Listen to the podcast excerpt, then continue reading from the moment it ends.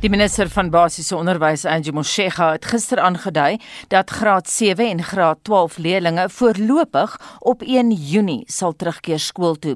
Onderwysers sal volgens die departement se beplanning op 18 Mei begin werk, hoewel die datums nog kan verander. Motshega sê alle besluite wat oor die heropening van skole geneem sal word, sal deur die departement van gesondheid bepaal word. The original school calendar which we gazetted legally by law. Open schools in 15 January 2020 and it ended up on the 4th of December. That's a legal instrument. We then had to, with all this disruption, consider a different calendar which we'll have to gazette when we are ready. And in the proposed calendar, because on my own, I can't decide unless the NCC says yes, you can proceed. But this is a proposed calendar that we're consulting around. We were proposing that on the 4th of May, next week, Monday, the sector opens. And we never said kids must go back to school unless NATA statically. But for us to be ready, we need to open the sector so that the first group of officials go in and prepare all the things that people are raising as concerns and very legitimate concerns. Sy sê hoewel skole nie volgende week gaan open soos verwag is nie, het die departement voorgestel dat onderwysers en ander amptenare terugkeer werk toe om voor te berei vir 'n gefaseerde opening van skole. Sy sê die hoofoorwegings is dat skole nie bydra tot die verspreiding van die koronavirus nie. Intussen het die minister van hoër onderwys en opleiding, Blyden Simande, gesê universiteite sal gesluit bly. Guided by the work and decisions of the National Command Council, we've decided not to resume with campus-based academic activity throughout the post-school education and training sector, including all universities and TVET colleges, both public and private, during the level 4 lockdown period. The only exception will be the controlled return of final year clinical training students. It's mainly medical students who will also return under strict conditions to also directly assist with the health management campaign of the Department of Health. Hy sê hulle sal die tyd gebruik om kampusse skoon te maak en ook tegniese dienste te ontwikkel om studente te help. We will be developing and implementing effective multimodal remote learning systems, which will include digital systems, analog, and physical delivery of learning materials to provide a reasonable level of academic support to all our students at all institutions to resume academic learning and teaching support. In other words, the fact that we are not opening campus based does not mean that we're going to sit back. We are going to be working during the month of May flat out with a view that as soon as possible we are able to resume multimodal remote teaching and learning activities. Dit sluit in om internet en datadienste beskikbaar te stel aan studente. In the meantime, also, we are working hard to secure a universal access deal with the major mobile network operators around data and connectivity to support remote learning. We believe that with the help of Minister Mtembu, we are close to reaching such a deal with the mobile companies so that we are able to provide data to our students. Where physical delivery of learning materials are required and where no immediate digital means are ready, we will also be working to ensure that students are provided with instructional materials. Hy sê studente moet seker maak dat hulle besonderhede op die universiteit se stelsels korrek is. I would like to appeal to all students to ensure that they urgently register their correct numbers mostly cell phone numbers, with their institutions. So that when we finalize the educational rate for data, we can load it to the correct numbers so that all students can benefit. Studente wat deur NSFAS befonds word, sal steeds hulle geld ontvang. NSFAS funding for all students will continue while the academic year is underway. Even now, during the lockdown, NSFAS funding is continuing. We have not stopped it. The likely extension of the academic year will require additional funding to maintain allowances for students while they complete the academic year. As a department, we are therefore working with NSFAS in modeling these costs. Blydense Monday, die minister van hoër onderwys en opleiding. Ek is Justin Kennerly vir SAI Garnis. En ons praat net na 7 met onderwyskenners en ons kry hulle reaksie op hierdie besluite en ons vra ook vir hulle wat dit vir jou as ouer en vir jou kind beteken. 616 baie welkom by Monitor soos wat ons pas gehoor het, dui die departement van onderwys se voorlopige plan beplanning daarop dat onderwysers op 18 Mei weer sal begin werk. Slegs graad 7 en 12 leerdlinge sal dan van 1 Junie af weer begin skool gaan. Die minister het egter beklemtoon dat die slegs voorstelle is en dit kan nog verander. Ons wil vanoggend weet, hoe voel jy oor die saak en ons wil ook graag by Monitor se luisteraars wat onderwysers is, graag hoor wat hulle van die voorlopige planne dink. So hulle begin op 18 Mei werk.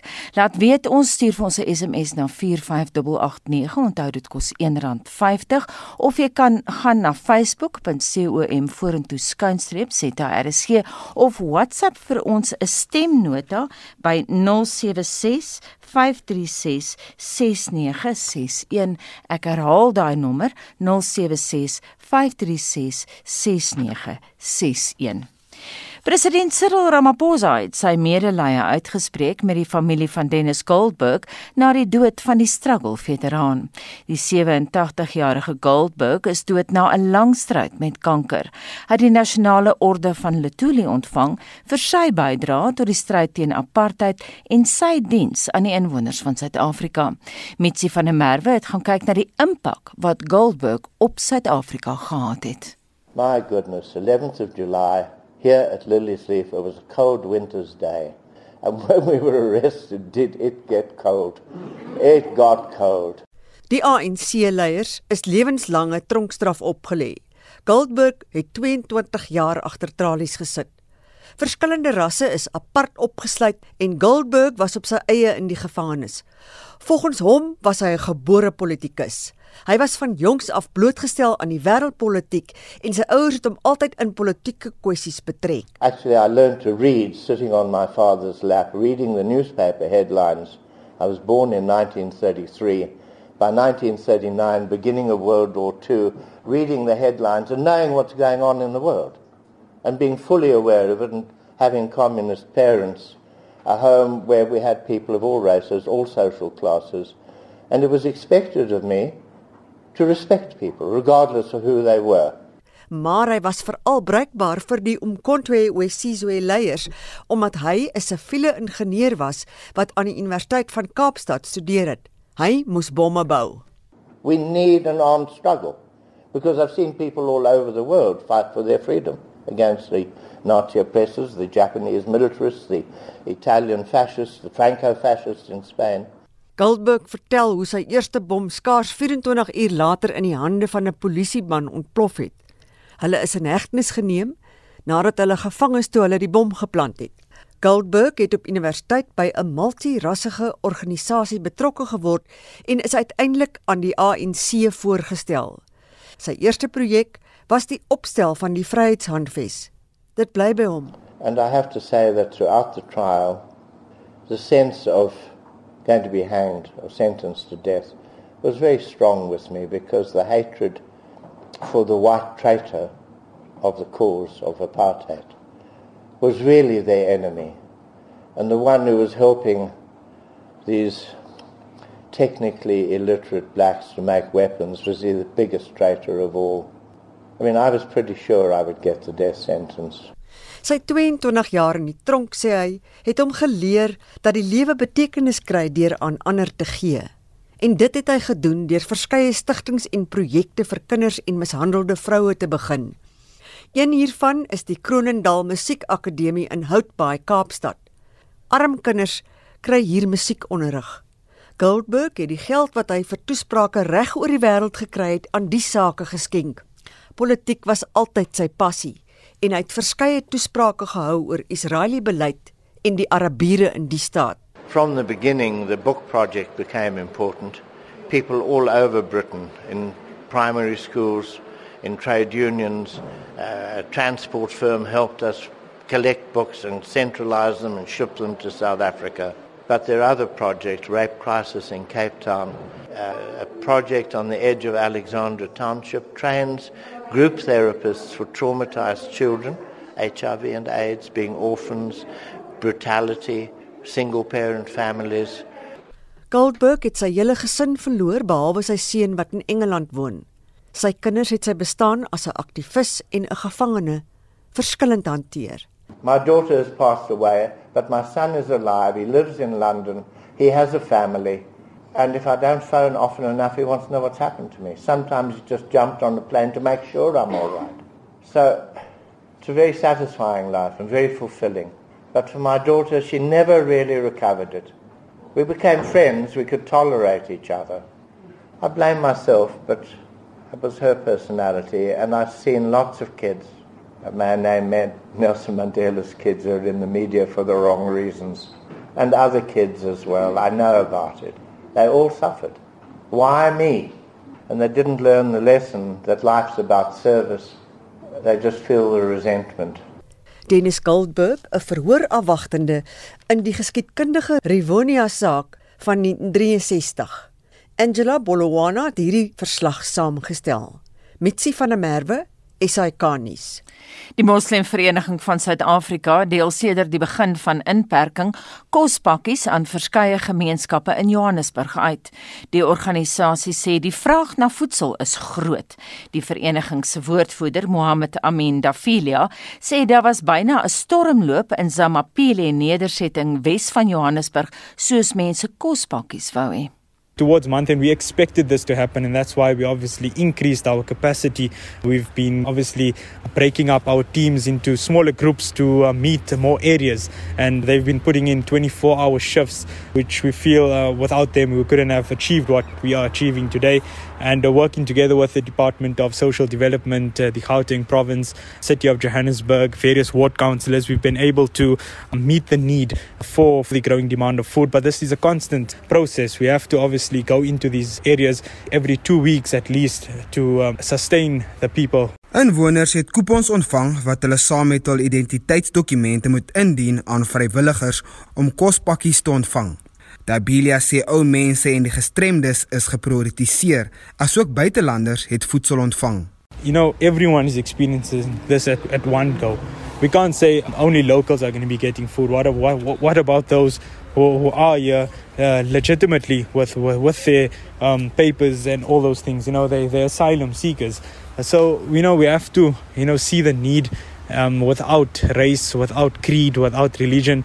We, we're trying to help who we can, um, those people who, who really need it. We can't say, oh no, because they are foreigners. The foreigners are also experiencing the same suffering that local people are experiencing. We, we've been, uh, you know, ward councillors, we've been, uh, you know, communicating with them. They know who the foreigners are in the informal settlements. They know who the local people are in the informal settlements.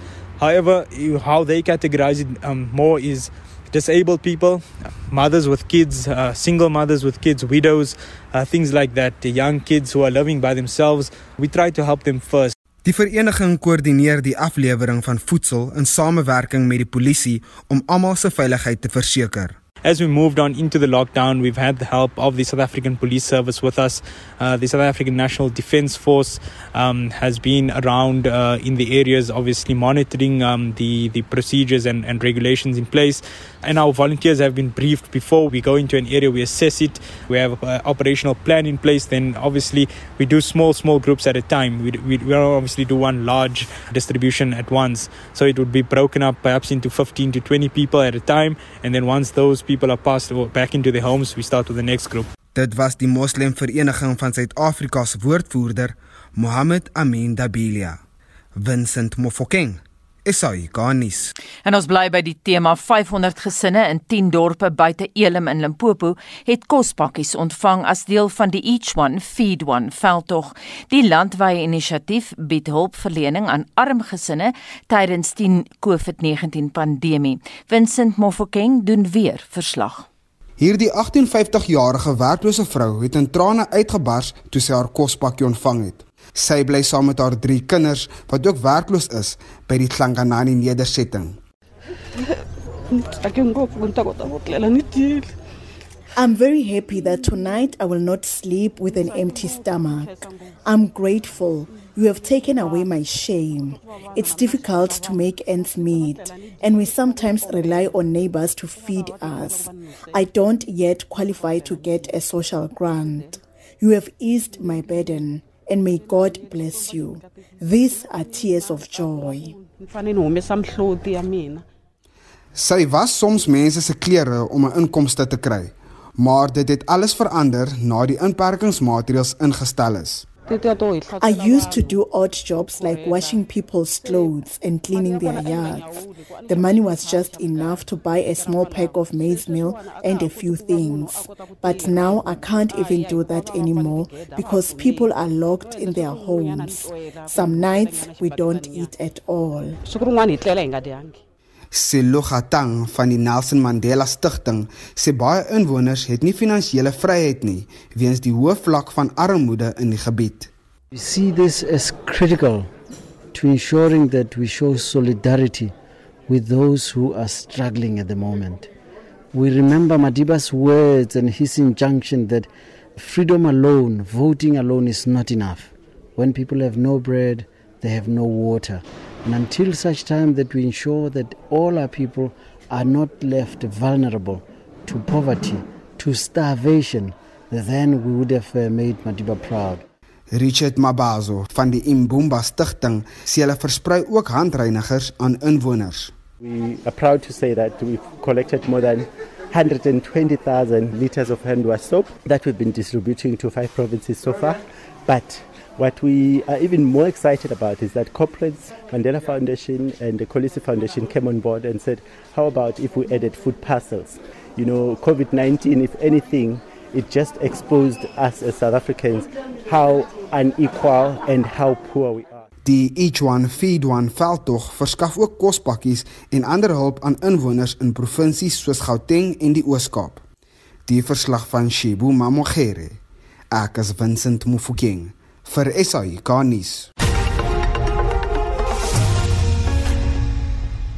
Vincent, wat dink die luisteraars van die onderwysplanne?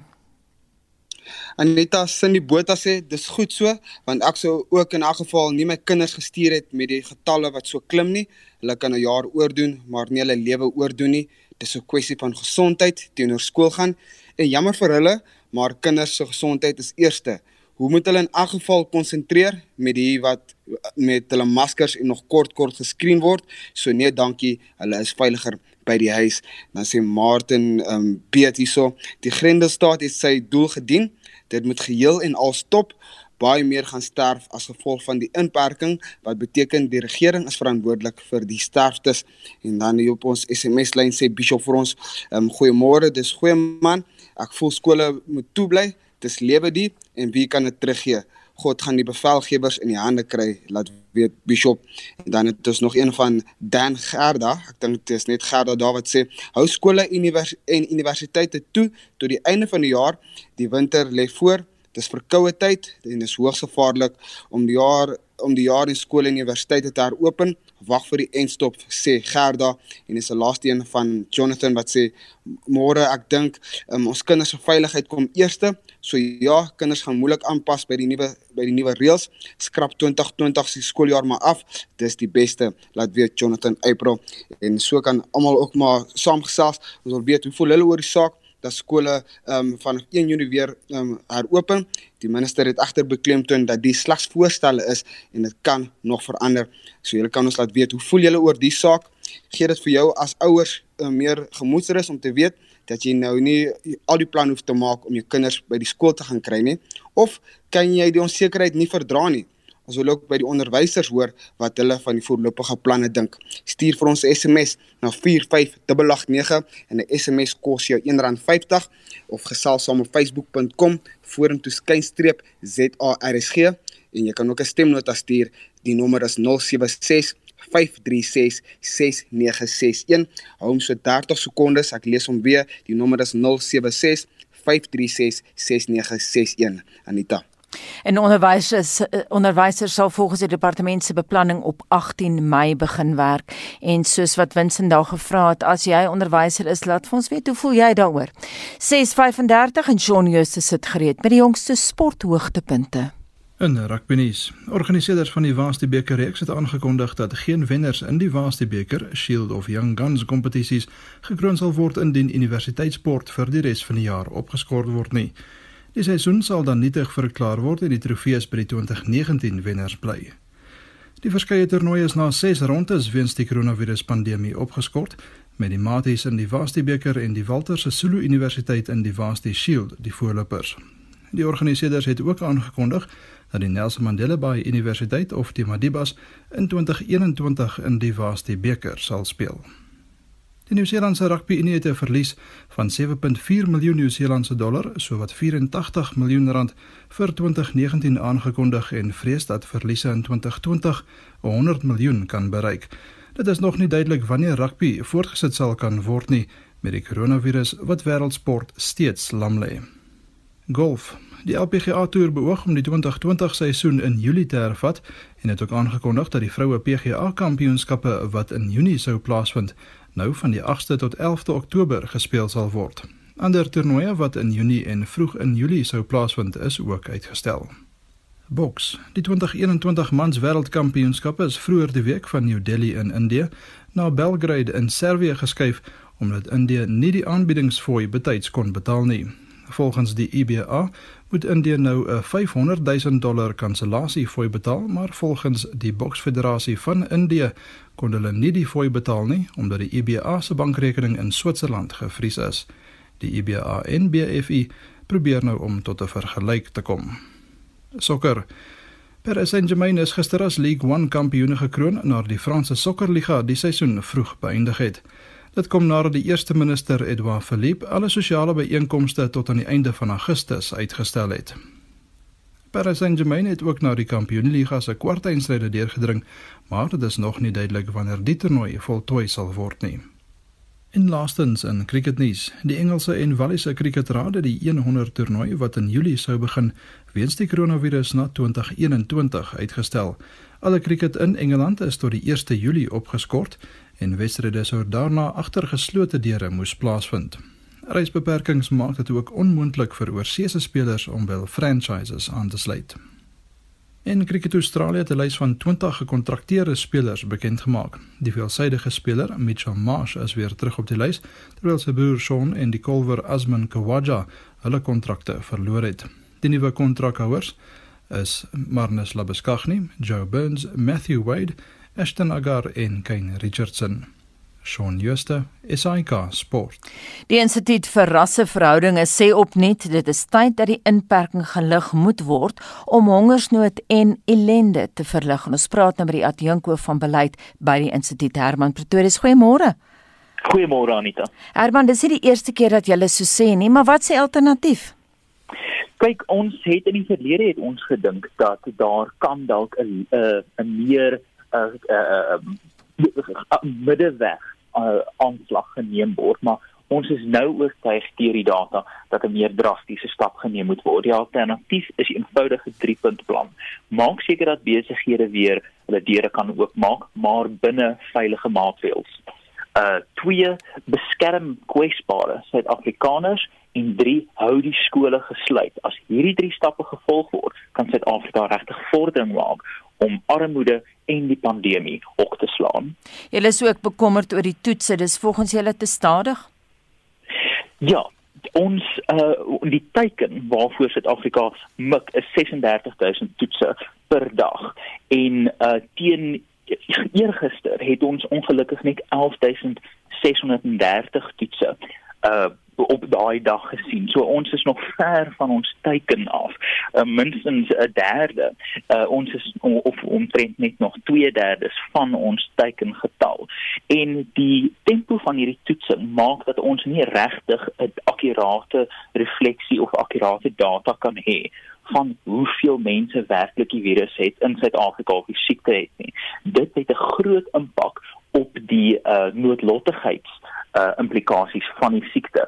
So ons kan dalk baie foutiewe data sien omdat ons toetsing tot dusver eenvoudig te stadig is. Die minister van basiese onderwys, Angie Motshega, het gister aangedui dat graad 7 en graad 12 leerders voorlopig op 1 Junie sal terugkeer skool toe. Hulle wil hê die kinders moet eers in September skool gaan. Hoekom? Dit is 'n probleem in die skole veral omdat dit 13 miljoen mense daagliks op spesifieke konsentrasiepunte byeenbring. En as mens dink aan die vervoer implikasies deur die taksies, deur busse, dan sien mense 'n baie gevaarlike punt waar hierdie siekte in huishoudings ingedra kan word. So dan is die geslote ekonomie eintlik heeltemal onnodig want die skole mag dalk hierdie kanaal van infeksie wees of transmissie wees. En dit is hoekom ons sê die skole moet toegehou word want hierdie 13 miljoen moontlike sogenaamde silent spreaders is iets wat ons definitief in ag moet neem minstens tot ons beter data op daai punt het.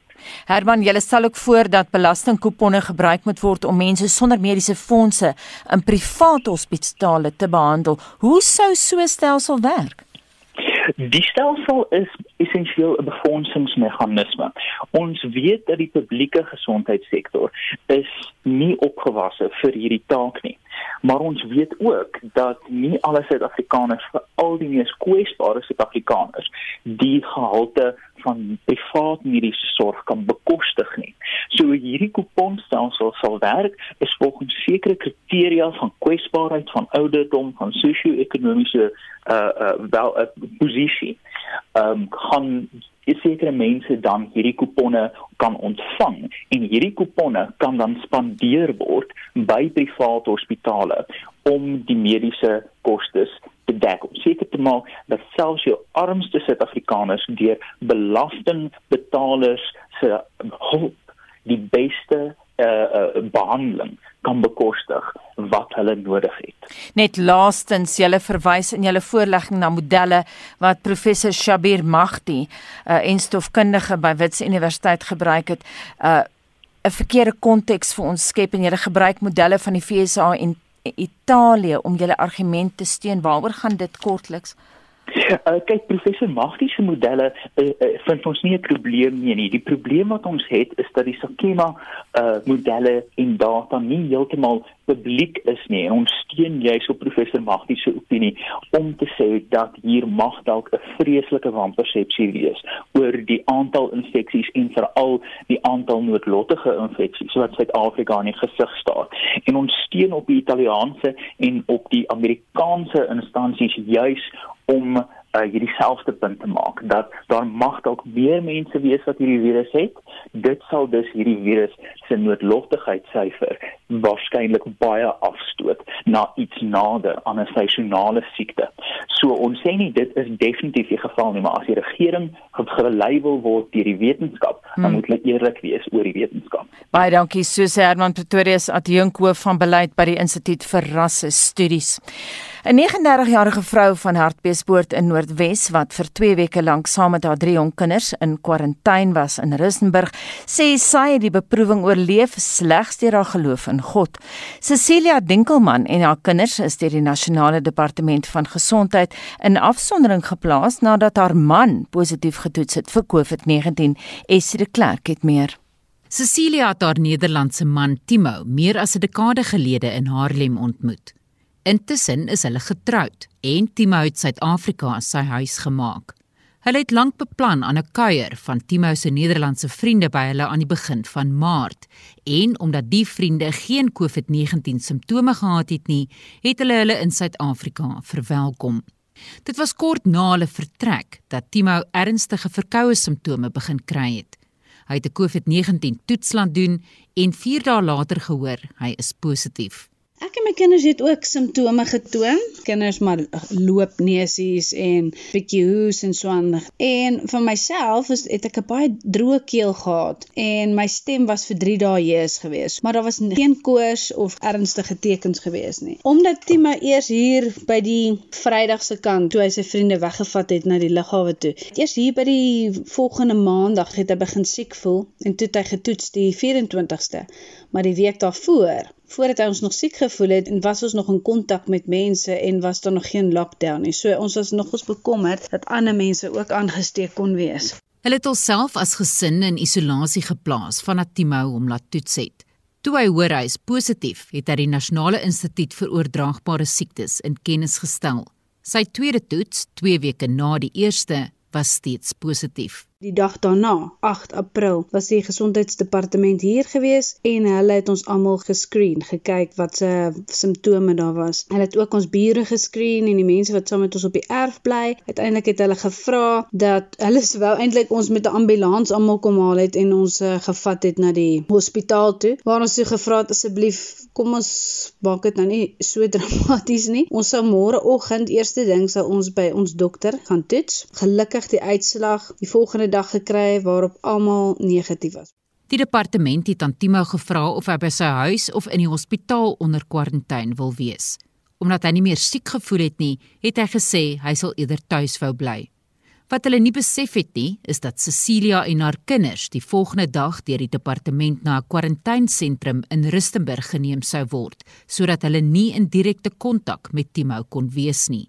Haar huisdokter het haar hiervan verwittig. Wat die ergste was vir my was dat ons het nog skaars die oproep gekry en die gesondheidsdepartement was hier gewees, maar hulle het nie hierdie keer alleen gekom nie. Hulle het gekom met 'n polisie. So die polisiekar kom stop, stop hier voor ons deur. Konstabel stap uit. Hier is die gesondheidsdepartement. 'n Hele lot mense wat saam is daar en die van die gesondheidswerkers in hierdie pakke, jy weet, soos van wow, hulle gaan nou aangesteek word, jy weet. Dit was 'n oorweldigende gedagte en ons het almal daar gestaan en eers het die polisie met ons begin praat. Ons het die dokter het gekom om te kom help in die sin van om jy weet hulle te probeer motiveer waarom dit nie nodig is noodwendig vir ons om te gaan afsonder nie. Maar ongelukkig was daar 'n besluit geneem deur die departement van gesondheid en dit was die besluit waarby hulle sou bly. So daar was niks eintlik wat ons kon sê of doen om dit te stop nie. En ek het halfuur gehad my tas en drie kinders se tasse te pak. Sy het aan haar kinders wat 5, 4 en 2 jaar oud is gesê hulle gaan 2 weke met vakansie na 'n hotel. Wat sy nie toe geweet het nie, is dat hulle nie hulle kamer sou kon verlaat vir die volgende 14 dae nie. Daar was gelukkig vir ons twee kamers reggemaak wat daarmee in verbinding gehad het tussen deur, 'n deur tussenin. In 'n hotelkamer is daar twee beddens, daar's 'n rusbank, daar's 'n tafelgedeelte waar jy kan eet. Hulle het 'n TV daarin, nie met DStv of so nie, basiese TV en groot vensters wat na buitentoe kyk en ons sou eers die volgende dag sien dat ons gelukkige pragtige uitsig gehad het op die Magaliesberg op die Rustenburg Kloof. Cecilia sê in die 2 weke wat hulle daar was, het die spyskaart totaal verander van week 1 na week 2. Die kos is eerste week verskriklik lekker geweest moet ek sê. Dit was regtig hotelkos geweest. Ons is baie bevoorreg geweest. Maar agteraf het ek gehoor blyk was die ander mense wat in kwarantyne was het 'n bietjie gekla oor die kos. Dat dit was vir hulle te veel slaai geweest en te veel groente en van die tweede week af het die menu verander en het ons omtrent elke dag net pap geëet. Lekker vleis natuurlik vir vleiseters was dit is dit 'n is dit heerlik geweest, maar daar was baie min groente geweest. Sy sê sy het kreatief gedink om haar kinders besig te hou. Ons het die baddens vol getap met skuim en hulle het daarin gespeel en gegluis. Hulle het rusbank se kussings het ons met huisies en tente gebou en hulle het perd perd gespeel en lekker daarop gespring. Ons het hindernisbane gemaak. Ons het tee gedrink en storieboeke gelees en ek het spesifieke stories vir hulle vertel. Stories wat hulle kon inspireer. Ek het hulle vertel van ander kinders in hierdie tyd wat baie swaarder as hulle kry. Ek het vir hulle stories vertel van hoe die Joodse kindertjies in die tyd van die Tweede Wêreldoorlog, hoe hulle moes wegkruip. Ek het vir hulle spesifieke storie vertel van Anne Frank wat in Amsterdam saam met haar familie weggesteek was. Persoonlik sê Cecilia het dit vir haar gevoel of sy opgesluit was moes myself my gedagtes goed rig. Die gedagte daarin dat die wet so sterk oor 'n mens is dat mens nie net kan uitkom nie en as jy op 'n manier sou wou ontsnap, dat jy ongelooflike boete sou kry en dat jy dit was vir my sleg om te weet van ek kan nou niks doen nie. Ek kan nie sê van ek het nou genoeg gehad of selfs ons huisdokter het vir ons probeer help om moontlik vroeër uit te kom deur die situasie oor en oor te verduidelik en met die dokters hier te praat en daar was vals gerugte dat ons dalk sou vroeër uitkom en die die hoop wat mens elke keer het van, "Ag, oh, miskien kom ons bietjie vroeër uit, miskien hoef ons nie die hele tyd ehm um, deur te sit nie." Selfs toe Timo al weer ehm um, sy volgende toets gedoen het en negatief getoets was, het ons gedink, "Ook nou sal ons waarskynlik hier kan uitkom," maar ongelukkig het dit nie so uitgewerk nie en ons moes ons eintlik ons volle dae uitsit en wag en ons was eintlik maar oorgelewer aan aan die stelsel. Sy sê al wat haar staande gehou het, was haar geloof en die ondersteuning van die mense naaste aan haar. Ek is 'n gelowige mens in die opsig en ek ek besef die waarde van mense rondom 'n mens en in my geval was die mense wat rondom my was was my familie en was my kerkmense gewees en dit was vir my so ongelooflik waardevol want ek weet in myself sou ek nie sterk genoeg gewees het om dit te doen nie. Ek is nie sielkundig mentally sterk genoeg om hierdie ding noodwendig te hanteer nie. Ek het 'n ondersteuningsgroep vir myself geskep op WhatsApp en ek kon mense vir mense die storie vertel, vertel, vertel en mense het my bemoedig bemoedig. Die ondersteuning van mense en hulle gebede was fantasties, maar die woord van God was vir my die beste. Cecilia en haar drie kinders is verlede week met haar man herenig. Ek is Estie de Klerk vir SAK nuus. Wetenskaplikes aan die Queen Mary Universiteit en die Universiteit van Roehampton, beide in Londen, het bevind dat pasiënte wat aan obsessiewe kompulsiewe gedragsiekte ly, hoër vlakke van die proteïen immunomodulin in hulle stelsels het. Dit beteken dat die manier waarop die pasiënt tot dusver behandel is, dalk aangepas kan word. Monitor het Dr Karen Maree, navorsingspsigiater by Tygerberg se mediese kampus gevra wat presies obsessiewe kompulsiewe gedrag nou eintlik is.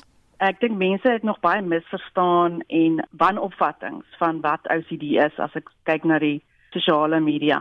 So obsessies is die oë.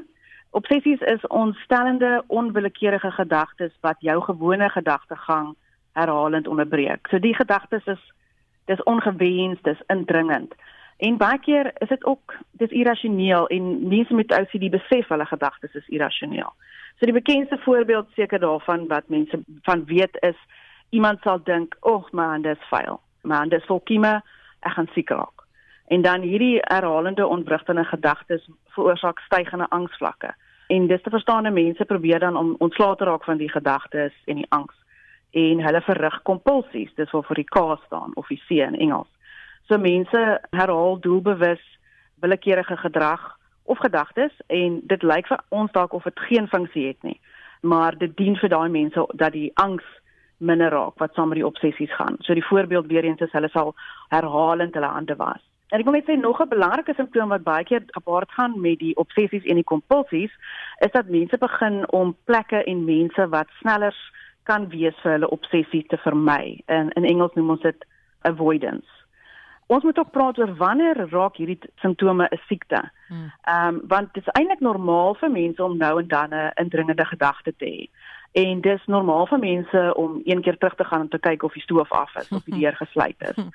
Jy weet, en party mense het net maar perfectionistiese persoonlikheidstrekke. Hulle hou van dinge op 'n sekere manier gedoen te hê. Maar wanneer raak iets 'n geestesiekte of in Engels sal ons sê wanneer is dit 'n mental health disorder? So in die algemeen dink ons As mense 'n funksionele inkorting begin beleef op sosiale vlak of by hulle werk of met hulle verhoudings, dan begin ons dink, okay, hierdie mense het hulp nodig. Of as mense 'n beduidende spanning het of beduidend ongelukkig begin raak, in Engels sal ons sê significant distress, dan dink ons ons moet ingryp. En spesifiek in OCD het ons 'n drempel ook bepaal. Ons sê as mense hierdie obsessies en hierdie kompulsies vir langer as 'n uur per dag beleef, dan moet ons begin dink aan behandeling. So as jy 3 keer gaan kyk of die stoof af is voor jy gaan slaap, het jy dit tog nie. En ek lag nou nee. want ons het op kantoor gepraat en baie mense het 'n aardige gewoonte soos om te gaan kyk of die kar wel gesluit is, daai soort van ding. Dis nogal redelik algemeen. Dit is algemeen en ehm um, ek sê altyd normaliteit is 'n baie baie breë pad. Jy hoef nie 'n dun balans op 'n dun tou te hou nie. Daar's 'n breë pad vir almal om in te wees, te bestaan. Karen, wat veroorsaak dit? Is dit geneties? Ons weet nie 100% wat dit veroorsaak nie. Ons verstaan dinge nog baie onvolledig, maar gelukkig nou met die Global Village ons almal werk saam en ons deel ons navorsing. So ons weet daar is genetiese faktore betrokke want dit kom in families voor. Ons weet daar's 'n neurobiologiese basis vir OCD want dit was een van die eerste siektes waar ons die verskille tussen mense wat OCD het en die mense wat nie OCD het nie se breinmetabolisme op breinskanderings kon sien. En ons kan sien dat hierdie aktiwiteit ook na normaal terugkeer wanneer ons daai mense behandel het. Die ander ding wat ek wil sê is baie goeie nuus vir die luisteraars dat uh, hoofstroom mediese wetenskaplikes beoefen al vir 'n halwe eeu geïntegreerde medisyne. So ons weet, ons kan nie net as psigiaters na die sentrale senuweestelsel kyk nie. My kollegas kyk nou ook na die mikrobiom, die onskadelike bakterieë in ons spysverteringskanaal en dan van my kollegas kyk na die endokriene stelsel, die streshormone en dan die die navorsing wat ek en jy graag oor wil gesels is die immunologiese stelsel. Mm. So ons het geweet daar is een van 'n koneksie met die immunologiese stelsel want ons het geweet mense met outoimmuunsiektes het 'n risiko om OCD te ontwikkel. So ons het geweet dis 'n area waar ons moet ondersoek instel. So die Britte wat hulle gedoen het in Londen is hulle het muise gekweek met abnormale gene. So hierdie muise het muis OCD gehad. Hulle het oormatige selfversorgingsgedrag getoon. Dit beteken weet hulle het baie gelek aan 'n en gekou aan hulle pelse baie meer as wat hulle normaal sou gedoen het. En ons dink dat hierdie gedrag is half uh die ekwivalent of dit hou verband met OCD in mense. Kyk, ons kan nou nie weet wat die meise dink nie, maar ons dink dit is mm. dis dieselfde ding. En toe die mense gekyk na maar wat het hierdie abnormale gene veroorsaak? Hulle het gesê die T-selle wat mos nou die soldaatselle in die bloed is, het abnormale proteïene gemaak en hulle het hierdie proteïen nou genoem iMood. En toe sê hulle maar kom ons gee vir die muise behandeling. Ons gee vir hulle antiliggame teen hierdie proteïen, teen hierdie iMood. En daai muise het toe normaal begin optree. So toe dog hulle maar ek wonder of dit in mense relevant is en hulle het toe 'n klein groepie mense gevat, net 23 mense.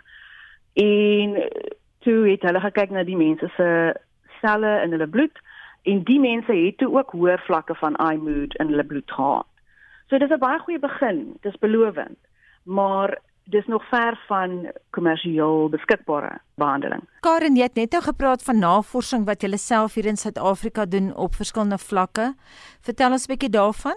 Ja, ag, dit is baie lekker en interessant ons werk op oomblik op 'n globale studie wat kyk na OCD. Ons kyk na mense se denkpatrone en hulle gedragspatrone en ons kyk na hulle genetiese profile en hulle breinskaneringsprofiele mense met OCD en ook ons kyk ook na mense wat nie OCD het nie om te vergelyk. En ons werk saam met die Amerikaners, mense in Suid-Amerika, mense in Nederland, ons werk saam met 'n klomp mense. Ons het 'n webwerf as mense wil gaan kyk, global-ocd.org.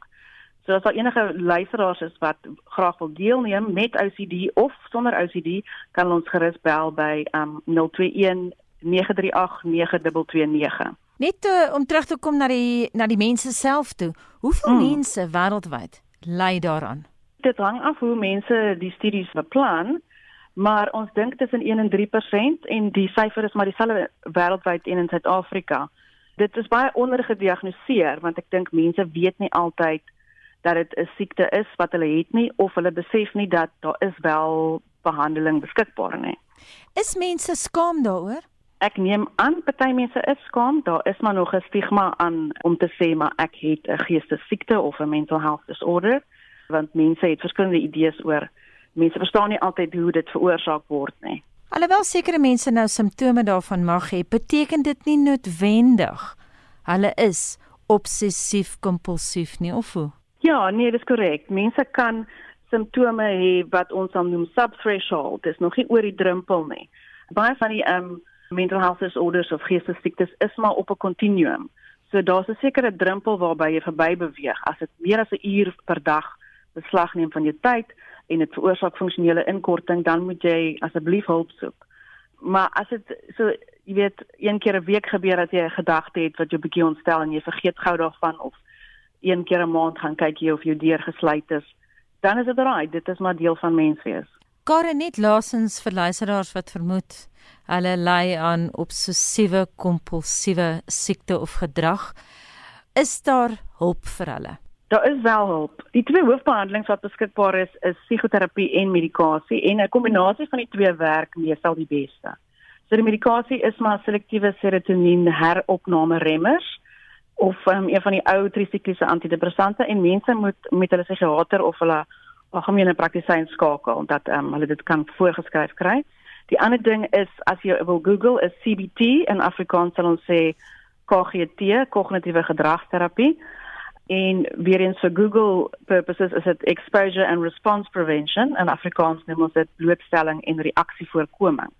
So wat gebeur as jy en jou terapeut konfronteer jouself met die dinge wat jou obsessies aanwakker en dan probeer jy om nie te reageer nie. Dis moeilik. Gewoonlik styg mense se angsvlakke baie skerp. Maar hoe hoe meer jy kan regkry om nie die kompulsie te verrig nie, hoe minder angswekkend raak jou obsessies. Vir meer inligting bel 0219389229. Ek herhaal 021 9389229 of jy kan gaan na die Mediese Navorsingsraad se Facebook en Instagram die adres OCD RSA.